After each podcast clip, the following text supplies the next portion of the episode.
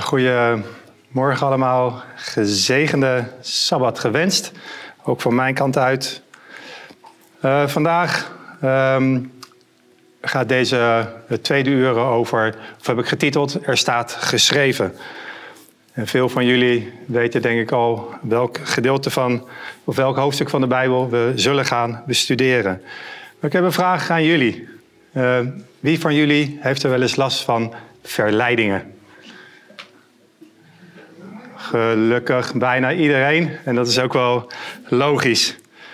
Uh, verleidingen of verzoekingen uh, liggen voor ons overal op de loer.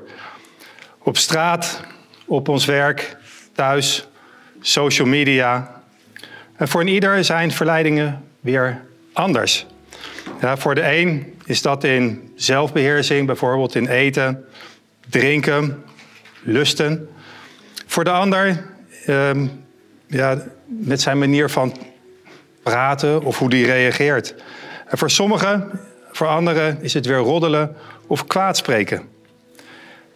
Met onze zintuigen nemen we verleidingen waar. We voelen iets, we horen iets, we zien iets. En daarna gebeurt er hierboven iets. um, En uh, um, de vraag is dan, wat doen we ermee? Wat doen we met deze verleiding? Met wat doen we met deze constateringen? Ieder van ons heeft verleidingen, op welke manier dan ook. Het hoeft niet altijd dezelfde verleiding te zijn. Ja? Zelfs tot de laatste dag van ons leven zullen we hiermee te maken hebben. Het is iets wat deel uitmaakt van ons leven. Geld, macht, maar ook vooral de lusten van de mens vieren hoogtij in deze leugenachtige maatschappij. Verleidingen zijn niet nieuw. Zo moesten ook Adam en Eva al leren omgaan uh, met de verleidingen in de Hof van Eden. En tot aan de laatste generatie uh, zal dit een rol spelen. Wegens onze gevallen natuur hebben we elke dag met verleidingen en verzoekingen te maken. De vraag is nu, hoe gaan we hiermee om? En het centrale thema voor vandaag is dan ook omgaan met verleidingen en weerstand bieden aan de verzoekingen. Heeft u er wel eens uh, gericht bij stilgestaan? En zoekt u ook een manier om, steeds, om niet steeds weer in dezelfde verleidingen te vallen? En is er wel een manier om hiermee om te gaan? En kunnen we dan ook op de juiste manier reageren? Is er een methode die voor altijd voor ons zou kunnen werken? Het is goed om eerst te weten wat er wordt verstaan onder verzoeking. In de nieuwere vertaling van de Bijbel wordt het vertaald met beproeven, op de proef stellen, testen of in verleiding brengen. En beproeven of testen is iets wat God met zijn kinderen doet. Met het doel hun geloof en karakter, eh, dat het daardoor versterkt wordt. Of dat hun liefde voor God daarin wordt bewezen. En in mijn ogen kan een verzoeking ook worden omschreven als een verleiding om iemand ertoe te brengen iets tegen de wil van God te doen. En elke keer als wij worden verzocht, of als wij verzocht worden, is dat een verleiding die tegen Gods wil ingaat en we zijn dan ongehoorzaam tegen God. Verleid kunnen we worden door wat iemand zegt of doet. En verleidingen komen op verschillende manieren tot ons. Enerzijds door iemand anders, hoe hij praat of doet, en anderzijds door ons eigen gedrag. We praten slecht, of we denken verkeerd, of soms dagen we zelfs iemand uit om fout te handelen. Wat is nu precies de oorsprong van de verleiding? Al in Genesis 3, aan het begin van de Bijbel, zien we de grootste verleider van deze wereld. Er staat in Genesis 3, vers 1: De slang nu was de listigste onder alle dieren van het veld, die de Heere God gemaakt had. En hij zei tegen de vrouw: Is het echt zo dat God gezegd heeft: U mag niet eten van alle bomen in de hof? We weten dat de duivel, Satan, de slang gebruikte om de mens te verleiden. Hij wil daarbij dat er zoveel mogelijk mensen verloren gaan. Veel mensen, vooral in de wereld, denken bij de duivel aan een rood beest, aan een rood iemand die boos is. Een verschrikkelijk mannetje met hoorns en een grote lange staart. Maar de Bijbel vertelt ons echter dat het een gevallen engel is. Ooit, voor zijn val, was hij de mooiste engel, bedekt met edelstenen. En dat kunnen we lezen in uh, Ezekiel 28. Door God was hij eigenlijk super mooi geschapen. En hij had de leiding over, alle, over, over veel engelen en over koren. Totdat hij jaloers werd en zichzelf boven God wilde stellen. Dat kunnen we lezen in vers 15 van hetzelfde hoofdstuk. En met miljoenen, misschien wel miljarden aanhangers is hij uiteindelijk uit de hemel geworpen. Nu is hij een intelligente, een intelligente gevallen engel. Die ons mensen al heel lang, wel 6000 jaar, bestudeert. En hij is 100% het kwade. En Jezus zegt in Johannes 8, vers 44, want in hem is er geen waarheid. Wanneer hij de leugen spreekt, spreekt hij van wat uit hemzelf is, van wat hemzelf is. Want hij is een leugenaar en hij is de vader van alle leugen. God heeft hem wel beperkingen gegeven sinds hij op aarde is geworpen. Maar toch zal Satan er alles aan doen om ons te laten vallen in zonde. Hij wil erbij dat wij Gods wet overtreden en dat iedereen valt en de eeuwige dood sterft. Maar we moeten goed beseffen, hij is een werkelijk levend kwaad wezen. En degene die dat niet geloven, die heeft hij eigenlijk al voor zich gewonnen. De mensen denken er vaak niet over na hoe ze zich tegen hem kunnen wapenen. Omdat ze ook niet weten wat ze moeten doen. Hoe zouden we toch al het kwade kunnen verklaren in deze wereld en alle verschrikkelijke dingen die er gebeuren? Als ik om me heen luister, hoor ik vaak mensen zeggen: Ja, dat gebeurt nou eenmaal. En mensen, mensen maken nou eenmaal de verkeerde keuzes. Maar het kwaad moet ergens vandaan komen. En de Bijbel is er duidelijk over. In Matthäus 4 laat uh, God zien hoe we op Hem kunnen reageren. En je kan zeggen, ja, maar ik werd, ik werd toch verleid. En het is natuurlijk ook zo dat je wordt verleid. Maar je kan nog steeds zelf de controle erover uitoefenen. Het is je eigen keus namelijk, want die hebben we van God gekregen, of je eraan toegeeft of niet. Met Satan of de duivel hebben we te maken met iemand die ons al ruim 6000 jaar bestudeert. Hij weet precies hoe lang, waar en hoe erg de verleiding voor jou moet zijn. En hij weet precies hoe hard hij en wanneer hij je moet raken om jou te laten vallen. En vooral in de eindtijd, de tijd waarin wij geloven dat we leven, zal hij op subtiele wijze bedrieglijke gedachten bij ons influisteren, telkens weer. In de hoop dat alleen zijn stem nog gehoord wordt en niet meer de stem van God. Volgens Sister White is het in deze tijd, ook vooral in de eindtijd, dat vooral de jeugd aangevallen zal worden. En ik citeer een tekst uit Our High Calling, waar zij een specifieke waarschuwing geeft voor de jeugd.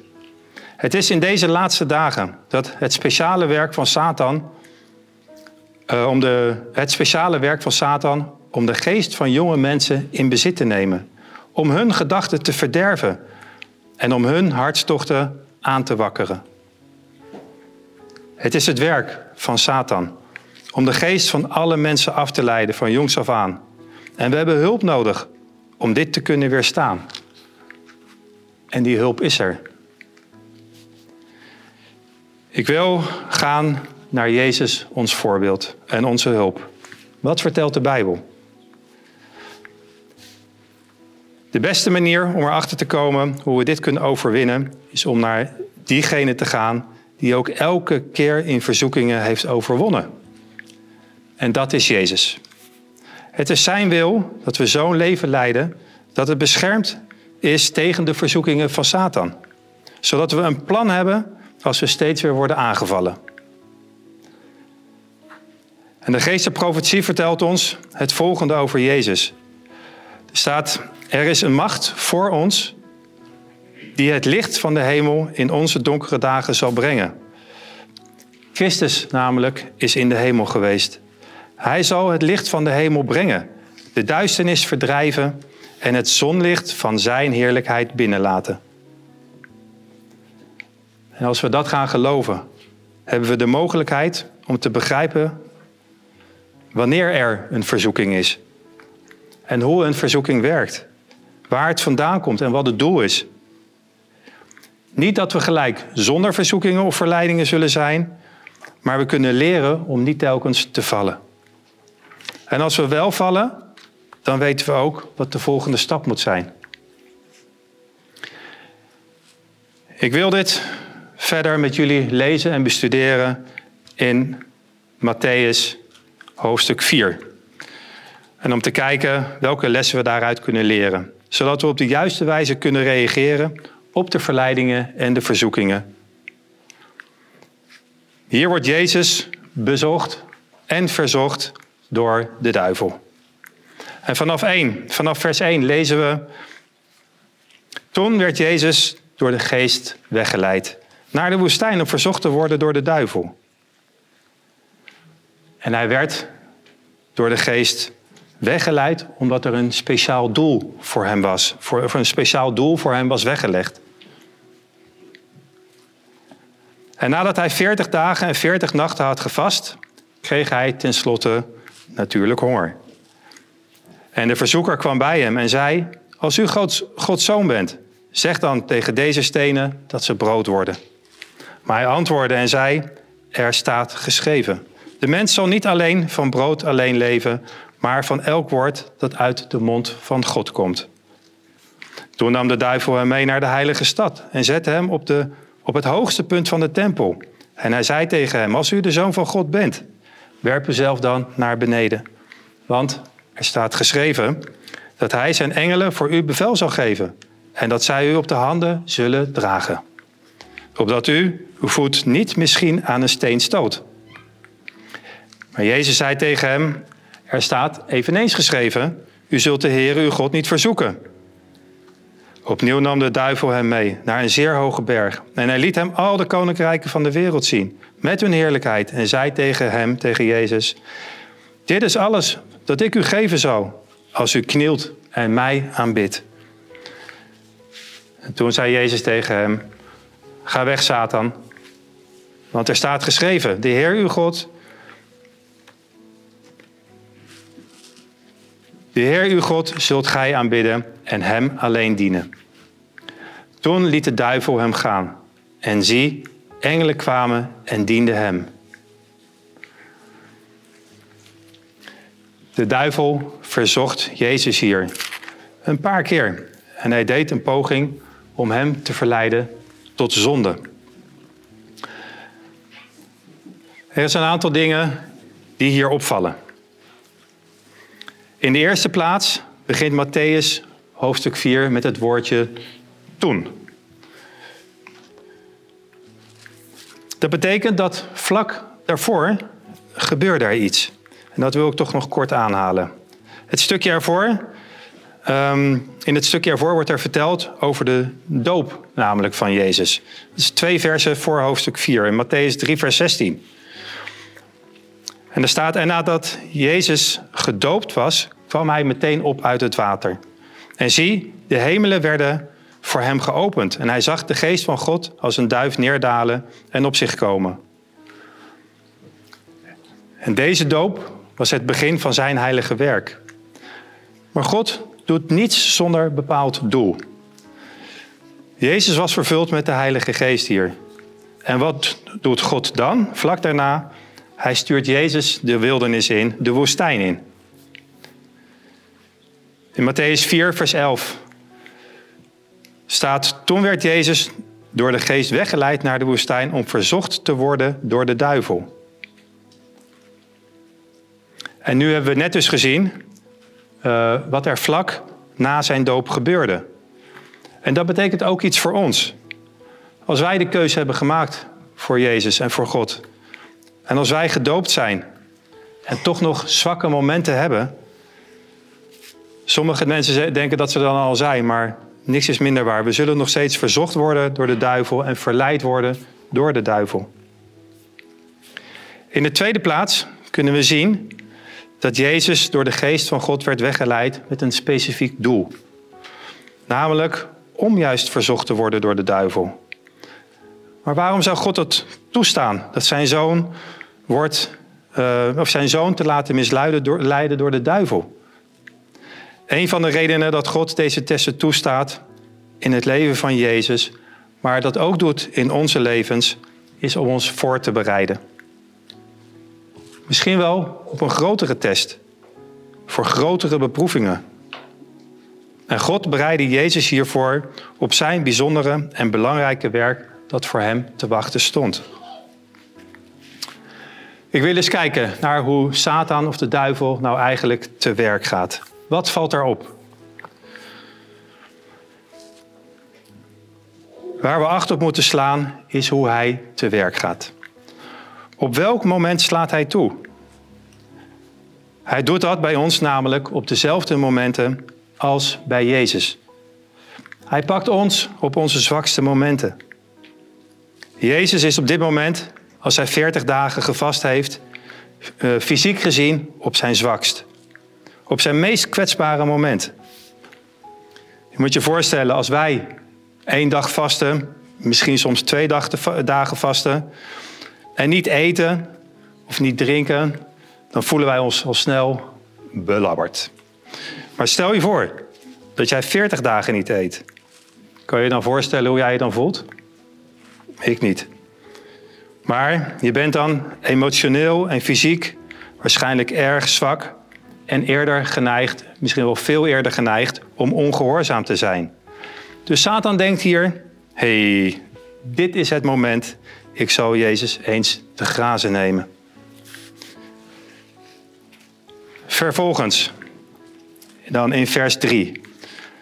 Als u Gods zoon bent, zegt hij. Hij zegt niet, u bent Gods zoon.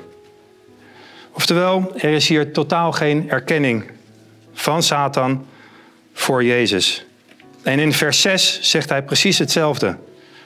Er is weer geen erkenning. Als u Gods zoon bent en niet u bent het. En eigenlijk zegt hij, als jij zegt wie je bent, dan ben je in staat om deze stenen te veranderen in broden. Gebruik nou maar die talenten van je, die heilige, bovennatuurlijke krachten, dat kan je makkelijk. Gebruik deze of misbruik deze krachten maar eens. Dat zou echt heel indrukwekkend zijn als je dat zou doen. En je kan ook nog eens je honger stillen. Verder, zal Satan het bij deze ene keer laten? Het antwoord hadden we al gelezen. In Matthäus 4, vers 5 en 6.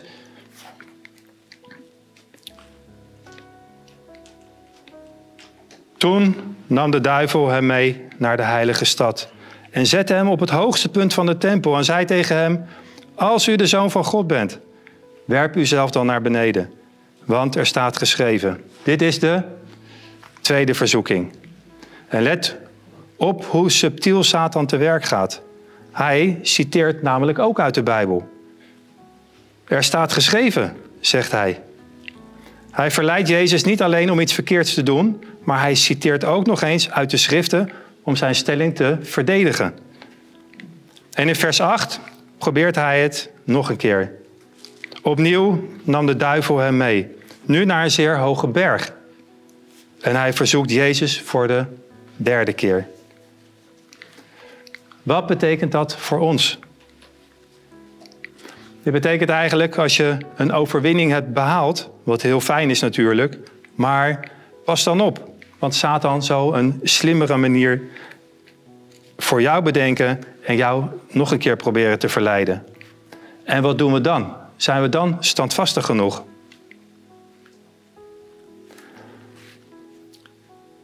Satan lokt ons op dezelfde manier zoals hij dat bij Jezus deed. En de geestenprofetie zegt, hij, Satan, komt tot de mensen met wereldse eer, rijkdom en met allerlei pleziertjes van het leven. Ze worden van God weggelokt om zichzelf meer te dienen dan hun schepper. Dit alles zal ik u geven, zegt Satan tegen Jezus in vers 9. Dit alles, al die koninkrijken, zal ik u geven. Dit alles zou ik ook jou geven. Dat zegt Satan ook tegen jullie, tegen ons als mensen. Ik zal je alle macht geven, dat je trots wordt, dat je eer krijgt, dat je rijkdom krijgt.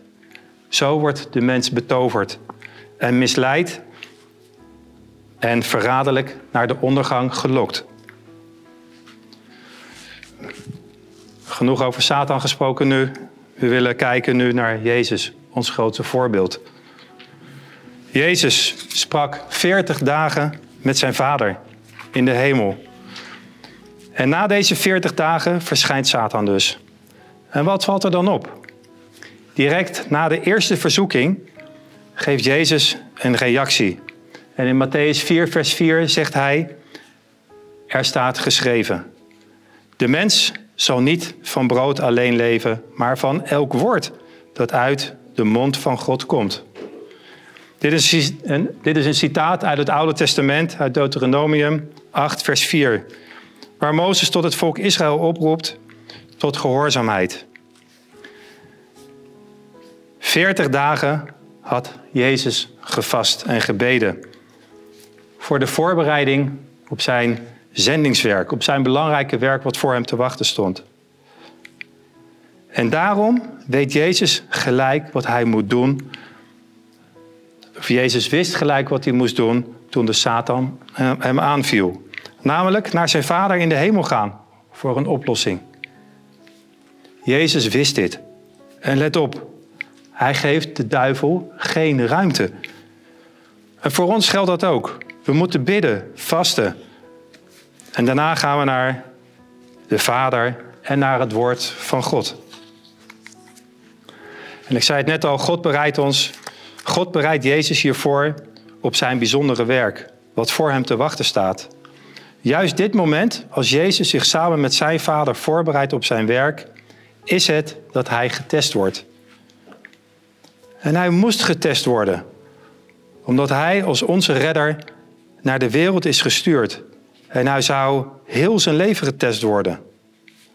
En is dat nou goed of is dat nou niet goed? Ik wil met jullie een uitstapje maken naar eh, het woord wat Paulus schrijft aan ons in de eerste Korinthebrief. En hij zei het volgende over verzoekingen in 1 Korinthe 10, vers 13. En we kennen de tekst wel. Meer dan een menselijke verzoeking is u niet overkomen. En God is getrouw. Hij zal niet toelaten dat u verzocht wordt boven dat wat u aankunt. Maar hij zal met de verzoeking ook nog eens de uitkomst geven om die te kunnen doorstaan. Hij zal met de verzoeking, met de verleiding ook een uitvlucht geven. En dat is een mooie belofte. Als jou iets overkomt, zeg dan niet: het is me te veel. Ik werd verleid, ik kon het niet weerstaan. Maar ga naar het woord, ga naar de Bijbel. Ga naar God en zeg tegen jezelf en tegen de verleider natuurlijk: er staat geschreven. God zal niet toestaan dat zijn kinderen, wij dus, erger worden misleid dan we kunnen verdragen. Er zit een soort van limiet op. En heerlijk is dat om dat in ieder geval te weten. Dan kunnen we onszelf ook niet bedriegen. Maar als je dit niet gelooft, heb je geen verdediging tegen het kwade, tegen Satan. Dan zal hij, die de mens al zo lang bestudeert, keer op keer winnen. Verleiding is namelijk zijn terrein. En daar gaan we niet van winnen. Dat is onmogelijk. Wat deed Jezus nog meer? Of liever gezegd, wat deed hij niet? Buiten dat hij naar God ging, ging hij de discussie met hem niet aan. Hij zei niet, uh, Satan, laten we eens uh, praten. Laten we het eens hebben over deze broden. want God heeft ons dit voedsel gegeven om van te genieten. Wat vind jij ervan? Maar daarentegen was het enige wat hij zei: Jij verleidt mij om God ongehoorzaam te zijn. Oké, dit zegt het woord van God. Punt. En voor ons geldt hetzelfde. Ga naar het woord van God als je verleid wordt. Als jij de volgende keer misleid wordt, val dan op je knieën en zeg: Dank u God dat u een grens gesteld hebt aan die verleidingen die ik onderga en dat ik hier niet aan hoef toe, toe te geven. Vraag God om hulp en geef Satan daardoor geen ruimte. Wat zou je dan een goede verdediging hebben? En wat een mooie belofte. Dat God ons daarbij helpt in dit genezende proces. Ons geloof wordt hierdoor versterkt. En de Heilige Geest zal met jou samenwerken om overwinningen te behalen.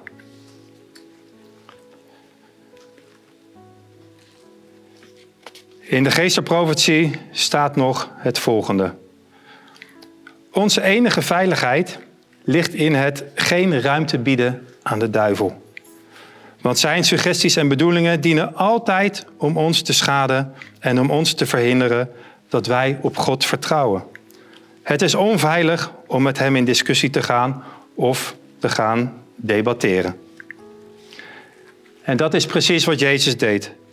Hij ging de discussie niet aan en daarom stond hij niet bloot aan de verzoekingen.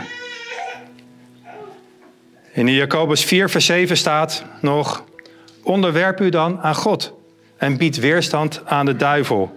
En wat gebeurt er dan? Hij zal van u vluchten. God heeft ons door de verdiensten van Christus voldoende genade verleend om Satan te weerstaan. Om daarin meer dan overwinnaars te zijn.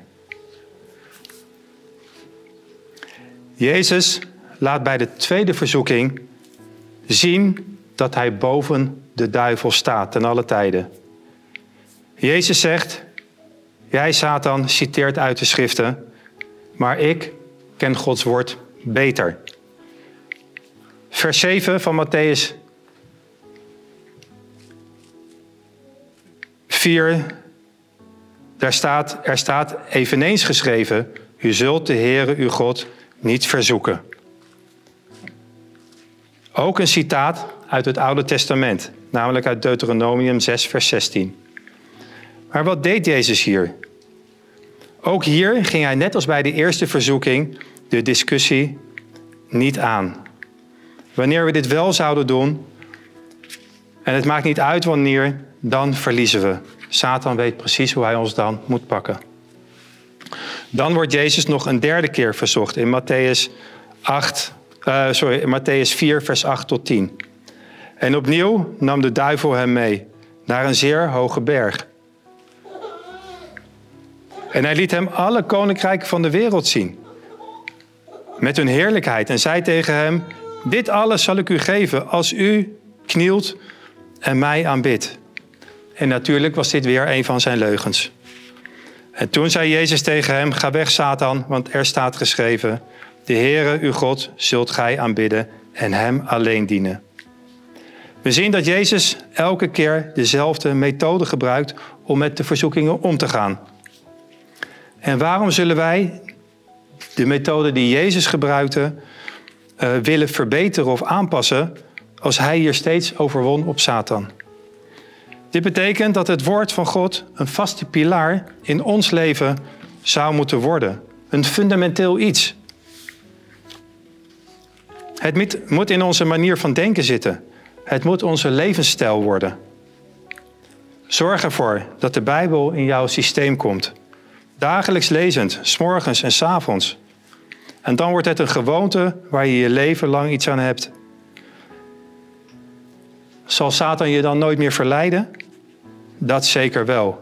Maar je zal overwinningen op hem gaan behalen, net zoals Jezus dat deed.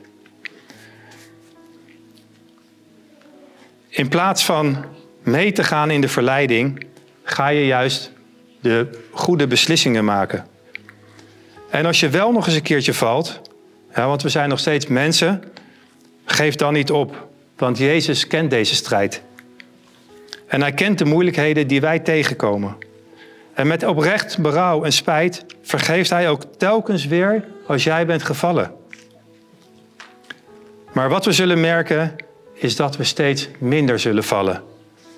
En steeds meer met God kunnen samenwerken.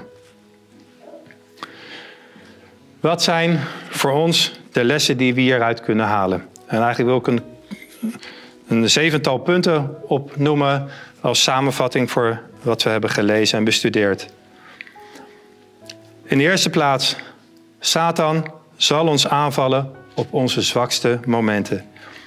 En hier zullen we het meest alert moeten zijn. En pas op, hij zal het meerdere malen proberen om ons aan te vallen. Door vasten en bidden komen we dicht bij God en kunnen we goed met Hem samenwerken. Laten we bidden voor wijsheid, voor zelfbeheersing, zodat we Satans listen kunnen weerstaan. Het derde punt, bied geen ruimte aan Satan, ga de discussie niet aan. Dan behaal je overwinningen. Daarom probeert hij ons juist aan te praten dat wij het gebed niet nodig hebben. Hij walgt namelijk van de naam van Jezus Christus, onze Verlosser. En wat hij niet bij hem kon bewerkstelligen, probeert hij wel bij ons, bij de mensen voor elkaar te krijgen, door zijn verzoekingen op de mens te richten. En onthoud dit citaat uit de geestelijke goed. Het begin van het bezwijken voor verzoeking ligt in de zonde van het toestaan aan de geest, aan het verstand, om te wijvelen, om te twijfelen. Om onstandvastig te zijn in uw vertrouwen op God, om zo de geest te trekken naar wat verboden is. De volgende les die we hieruit konden halen, ga naar het woord van God als je verleid wordt. Zoek als je verleid wordt bijbelteksten op die met jouw soort van verleiding te maken hebben.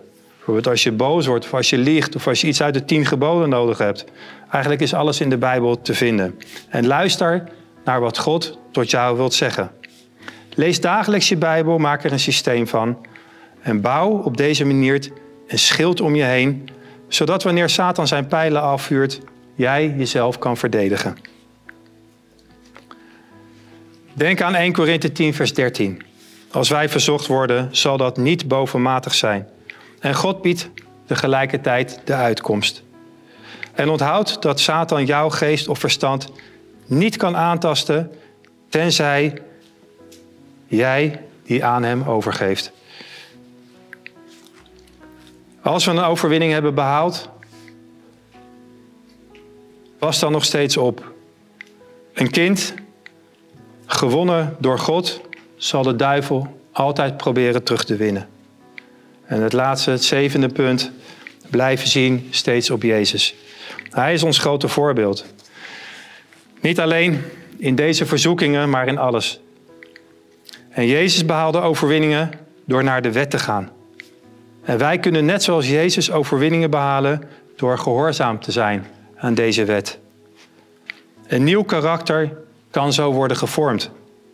En de verzoeking tot zonde kan overwonnen worden. Ga naar het kruis, waar Jezus stierf voor onze zondes.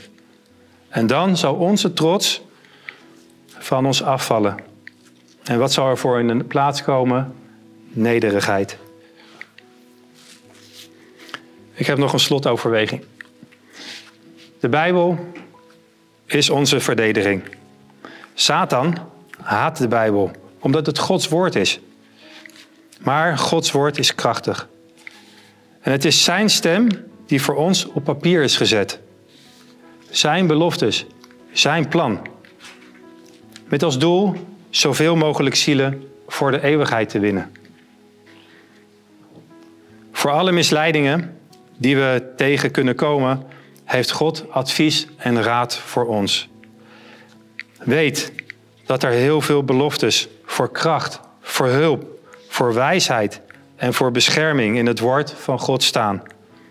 En onthoud nogmaals dat je niet wordt verzocht uh, boven wat je zelf aan kan. En dat is omdat God van ons houdt. Hij kent ons door en door. En dat komt door zijn zoon Jezus Christus, die dezelfde verzoekingen en problemen heeft meegemaakt als wij. En daarom moet Hij het ook zijn die in ons die verandering teweeg brengt. Zo hoeven wij niet in zonde te leven. En zo kunnen wij onszelf verdedigen tegen de verleidingen en verzoekingen die op ons pad komen. Maar pas wel op.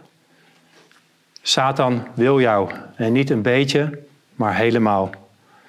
En vergeet niet dat hij jouw geest controleert als jij niet door Gods geest wordt geleid. Er is een machtiger God die sterker is. En die God is zijn maker, de schepper van alle engelen, dus ook van de duivel.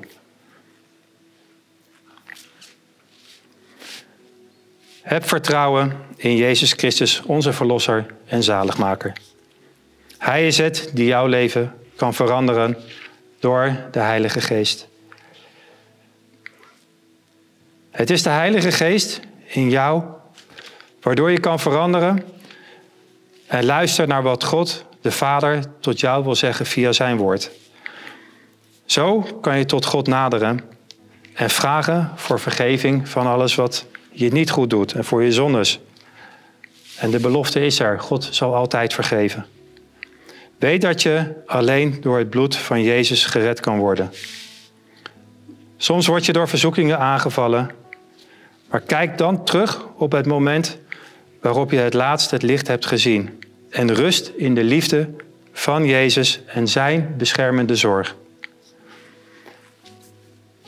Als je Hem niet als persoonlijke verlosser in jouw leven hebt aangenomen, dan ben je in je eentje of op je eentje aangewezen. En dan moet je heel sterk in je schoenen staan om de verleidingen te kunnen weerstaan. En ik spreek uit eigen ervaring. Eigenlijk is dat onmogelijk. Doen we dit wel, dan kunnen we dus die overwinningen wel behalen. En dan zullen we, en dat is ons doel, namelijk die eindstreep behalen. En dat is ook mijn wens en gebed voor jullie allemaal. Amen.